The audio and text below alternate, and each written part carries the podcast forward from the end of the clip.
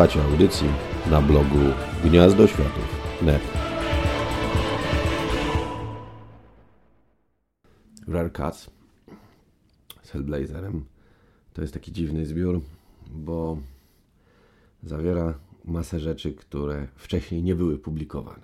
Tak, jakieś pojedyncze historie, jak to gdzieś jest e, pod okładkami napisane, że niezwykłe przełomowe, bardzo ważne dla Hellblazera. I powiem tak. Niewątpliwie e, był jakiś powód, dla którego historie te dotąd e, nie zostały włączone do wydań zbiorczych. Ale osobiście uważam, że tym powodem nie było to, że te historie są takie świetne, niesamowite, przełomowe i bardzo ważne bo gdyby rzeczywiście ktoś tak uważał, to włączyłby je do trade'ów odpowiednio do ranu każdego z tych e, autorów, którzy przy tworzeniu ich maczali palce. Tymczasem dla mnie jest to w większości zbiór taki sobie, przeciętny. Są tam dobre momenty e, i są też momenty słabsze. Widać przede wszystkim, chyba jednak, to z przykrością muszę powiedzieć, sporo niewykorzystanego potencjału.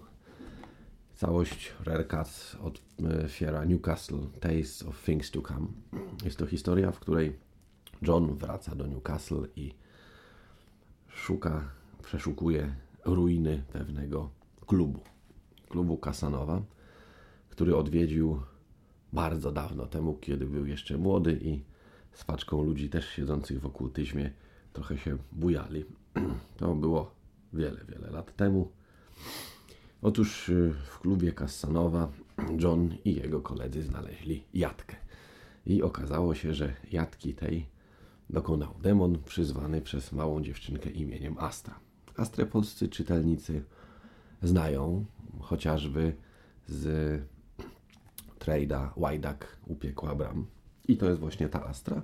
A historia ta opowiada o tym, skąd się wzięła i o tym, jak to John przyzwał demona i popełnił potworny błąd, bo przyzwał nie tego, co trzeba. no i cóż, bądźmy szczerzy, w postaci tej występuje Nergal, co samo w sobie jest tragiczne, znaczy w historii tej, bo Nergal, który powinien być straszliwym demonem ze względu na swoje imię i polskie z nim skojarzenia, gdzieś tam jest po prostu strasznie śmieszny. E, ten album ma też problem od strony graficznej, ponieważ pan Pierce Reiner, Richard Pierce Reiner, miałby zadatki na dobrego rysownika, gdyby troszeczkę bardziej siedział nad warsztatem. Natomiast no, trudno jest mi go do kogokolwiek mm, porównać teraz. E, jakoś tak nie przychodzi mi nikt do głowy. Facet posługuje się cienką, y, chciałoby się precyzyjną kreską, natomiast precyzyjnie to on ma ogromne problemy z anatomią, głównie z twarzami i ze wszystkim. Dużo lepiej radzi sobie z tłami, ale to nie o to w komiksie chodzi. A oprócz tego jest to komiks z okresu, kiedy kolorowanie komputerowe dopiero wchodziło i mamy tu taką hybrydę między tradycyjnymi kolorami, takimi jakie znamy, powiedzmy z lat 80., gdzieś wcześniej, i dużą ilość e, komputerowych gradientów i tego typu rzeczy, czyli wszystko, całe nowe zło, które było nowym złem, dopóki rzeczywiście ludzie nie nauczyli się kolorować na komputerach porządnie. Mm, to jest ciekawa historia, która gdzieś tam daje nam wgląd w genezę jednej z postaci i w jednej z y, uraz, które do Johna ktoś żywi. Natomiast y, ona jest dobra głównie przez y, gdzieś tam swoją historię, swój pomysł przez to wszystko, ale jej składowe jakoś tak nieszczególnie powalają. Kolejną rzeczą mm, jest e, historia Granta Morrisona. Dwuczęściowa, Early Warning i How I Learned to Love the Bomb. I generalnie rzecz biorąc, e, no nie jest tajemnicą, że ja Granta Morrisona nie cierpię. Zacznijmy więc może od rysunków. David Lloyd spisał się fajnie. Ma taką grubą, ciężką kreskę podobną trochę do starego Marka Texeiry, gdzieś z okolicach powiedzmy e, okolic Punishera. To są te numery, które u nas były przedrukowywane. Klimaty takie jak powiedzmy Nowy Ran Texeiry w, w Ghost Riderze. Z tym, że no jest to mm, kreska precyzyjniejsza, dokładniejsza. Historia jest tutaj stosunkowo prosta i mamy tu kilka fajnych rzeczy składowych, które muszę przyznać yy, mogłyby dać niezły efekt. Przede wszystkim gdzieś na Zadupiu jest festiwal w upadającym miasteczku, w którym nic oprócz tego festiwalu już się nie dzieje.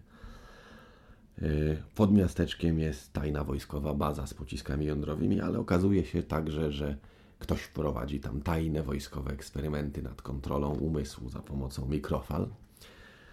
No i w trakcie parady yy, mamy jeszcze jeden motyw. Ludzie w maskach wpadają w szał i zaczynają demolować miasto, mordować, grabić, gwałcić, palić.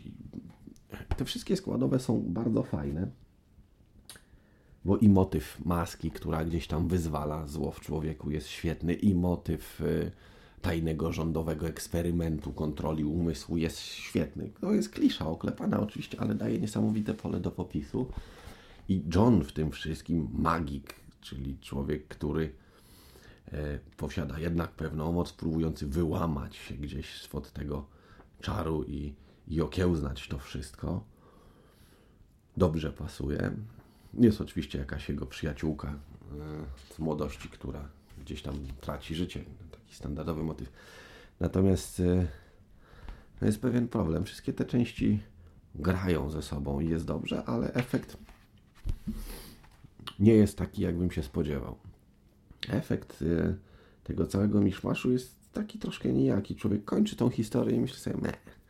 Mam troszkę takie odczucia jak po e, Misterium, gdzie też było dużo fajnych rzeczy nagromadzonych wątków, tylko tam akurat one były zrealizowane w sposób idiotyczny, głupi i, i, i to wszystko nie trzymało się kupy. Gdzieś tam to była tylko erudycyjna popisuwa. Tutaj Grant Morrison zrobił rzecz naprawdę przyzwoitą, jak się porówna to z, z takimi srakami jak Szmat Syf i parę innych jego komiksów, to wręcz odkrywczą jak na siebie. No ale z przykrością stwierdzam, że nadal jest to komik zaledwie przeciętny. Niezły, jest ok, ale nic, nic wielkiego. Natomiast stanowczo dobrą rzeczą jest y, znów Jamie Delano z Seanem Phillipsem, tym razem Dead Boy's Heart. Sean Phillips, y,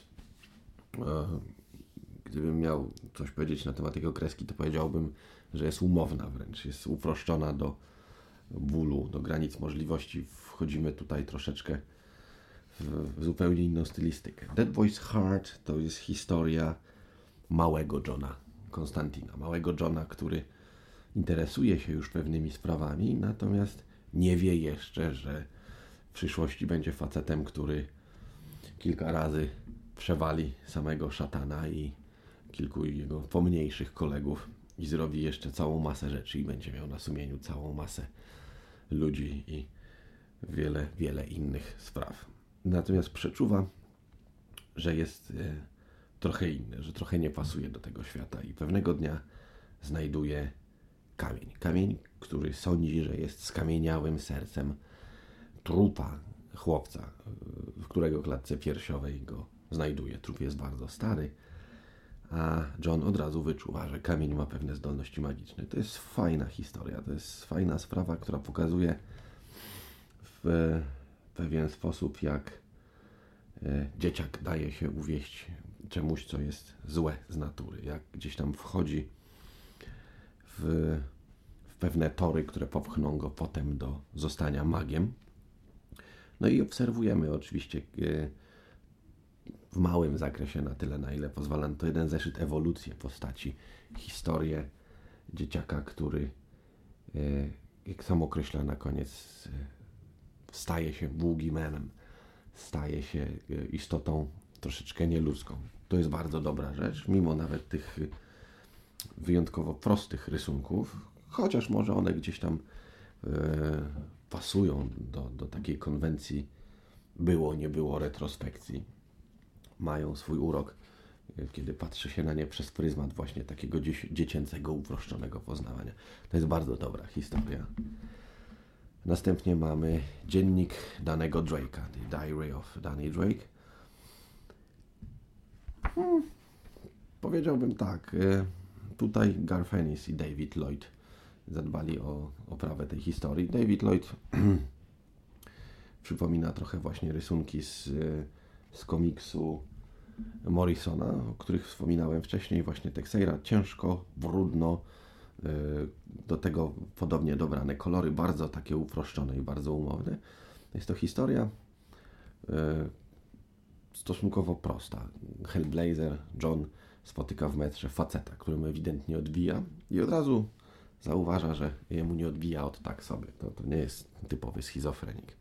To jest gdzieś tam palec demona w tym wszystkim. Okazuje się, że człowiek ten sprzedał duszę demonicy. Tutaj e, chyba pierwszy raz w historii Johna pojawia się Triskele, demonica, która potem jeszcze gdzieś e, ich drogi przetną się. Ona będzie się pojawiała i, i ścigała Johna na polecenie pierwszego z upadłych. Okazuje się, że facet ten sprzedał duszę, e, nie tylko swoją, e, i że to wszystko wygląda zupełnie inaczej niż powinno. I ostatecznie John postanawia na własną rękę wymierzyć sprawiedliwość i zostawić go na pastwę tego demona. I ostatnią rzeczą e, w tym zbiorze jest również Jamie Delano. Mam wrażenie, że jest tutaj Jamie'ego nadreprezentacja, chociaż to, to nie jest źle, bo jego historie są bardzo fajne. Napisał trzy z pięciu, no z sześciu, jeżeli liczyć, że Granta Morrisona jest podwójna. E, jest to historia o tym, jak John e, ubił matkę czata, wstrętną, starą, obrzydliwą wiedźmę, zatruwającą życie wszystkim. John był wtedy bardzo młody i generalnie rzecz biorąc czat też był bardzo młody, a matka czata miała szympansa, który szpiegował wszystkich. No i w tym wszystkim e, jest oczywiście dzień dzisiejszy, bo John przyjeżdża, wraca do Londynu, odwiedza, nie do Londynu, tylko wraca, odwiedza czata. Po drodze okazuje się, że czat właśnie został dziadkiem. Też ciekawa rzecz, zupełnie inne spojrzenie na, na postać, na Johna. E, ogólnie rzecz biorąc, jednak tym, co w tym zbiorze jest najlepsze, nie są wcale komiksy, a dwa dodatki. Pierwszym z nich jest Years Gone By, Hellblazer Timeline. I mamy tutaj pełną rozpiskę tego, co najważniejszego wydarzyło się w życiu e, Johna Hellblazera, począwszy od roku 53, kiedy się urodził, przez wszystkie kolejne wydarzenia, prawie rok po roku, które miały znaczenie. Pojawia się właśnie innymi historia ze skamieniałym sercem. Dowiadujemy się, kiedy urodziła się Kit Ryan i kiedy Papa Midnight zabił swoją siostrę na Jamajce i wszystkie inne wydarzenia, aż do roku 2004, na którym akurat kończy się timeline, bo w takim mniej więcej okolicy historie te zostały wydane. Dla kogoś, kto siedzi w postaci i chciałby troszeczkę pogrzebać, jest to rzecz nieoceniona, bardzo fajna. E, dwie strony najważniejszych takich punktów zwrotnych, miejsc kluczowych dla postaci, które e, mają znaczenie i o których fan Hellblazera wiedzieć powinien i móc je gdzieś tam sobie poukładać w tą układankę.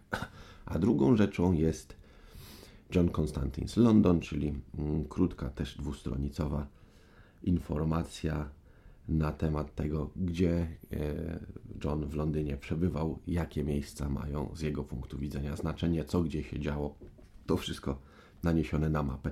Te dwa dodatki, śmiem twierdzić, są najfajniejszą częścią tego zbioru. Jamie Ledano daje radę, natomiast nie oszukujmy się. E, to nie są tak naprawdę super niesamowite, przełomowe, najważniejsze historie z Johnem Konstantinem w roli głównej, które musiały być zebrane w jednym tradzie, bo są takie świetne. To są rzeczy, które nie załapały się po prostu do innych tradeów i ktoś wpadł na pomysł, żeby poskładać je do kupy i dobrze się stało. Aczkolwiek stanowczo e, jest to ciekawostka dla fanów. Tak, ciekawostka dla fanów e, stanowczo. Natomiast jeśli chodzi o casuali, to niekoniecznie muszą e, napinać się na akurat ten trade, ponieważ niekoniecznie jest on najlepszy. Mam wrażenie, że nagrywam trzeci podcast i cały czas marudzę. Chyba może po prostu nie powinienem czytać o tej postaci, bo czego nie ruszę, to mi się nie podoba.